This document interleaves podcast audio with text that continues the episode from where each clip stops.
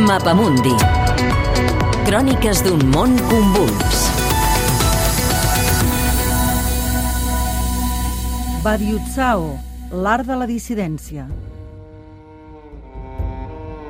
I think art played an essential role to um, to inspiring people. És Badiucao o Badiuchao, segons la pronúncia xinesa, el pseudònim d'un artista nascut a Xangai pocs anys abans de la matança de Tiananmen del 1989.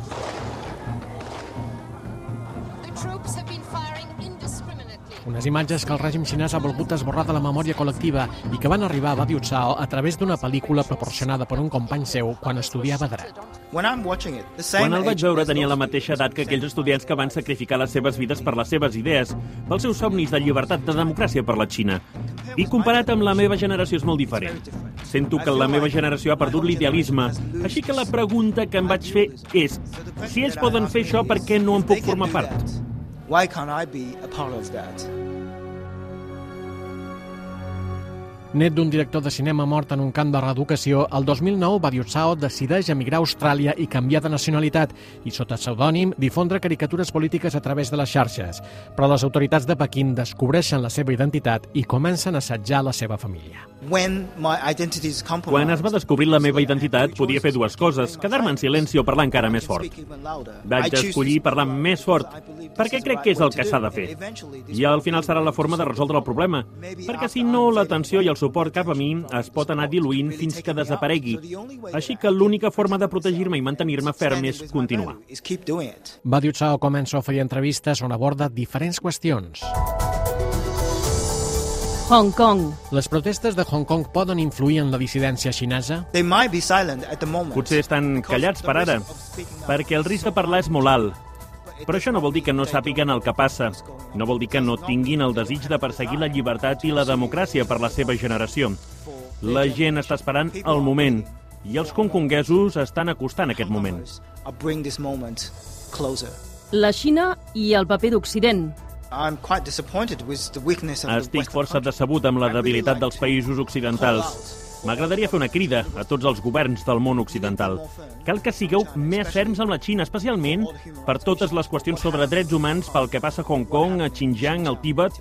El que està passant és clarament una crisi de drets humans.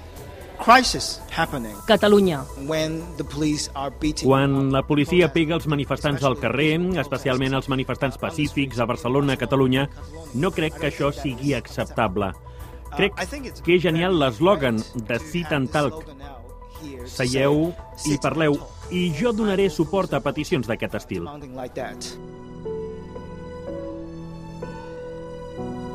Vestit amb ulleres rodones, botes de punta i barba llarga de hipster, Badiutzao es declara hereu de l'expressionisme alemany, en especial de l'artista Kate Kollwitz. Les seves caricatures s'inspiren en l'estil dels cartells de la propaganda comunista de la Xina o Corea del Nord. La raó per la qual vaig escollir el mateix estil és perquè volia portar els inicis d'aquesta forma d'art, quan era pur, edificant per als que no tenen poder. I crec que és molt important i interessant revertir aquesta situació de poder fent servir el mateix estil de propaganda contra ell mateix. El principal objecte de les seves denúncies és el president xinès Xi Jinping.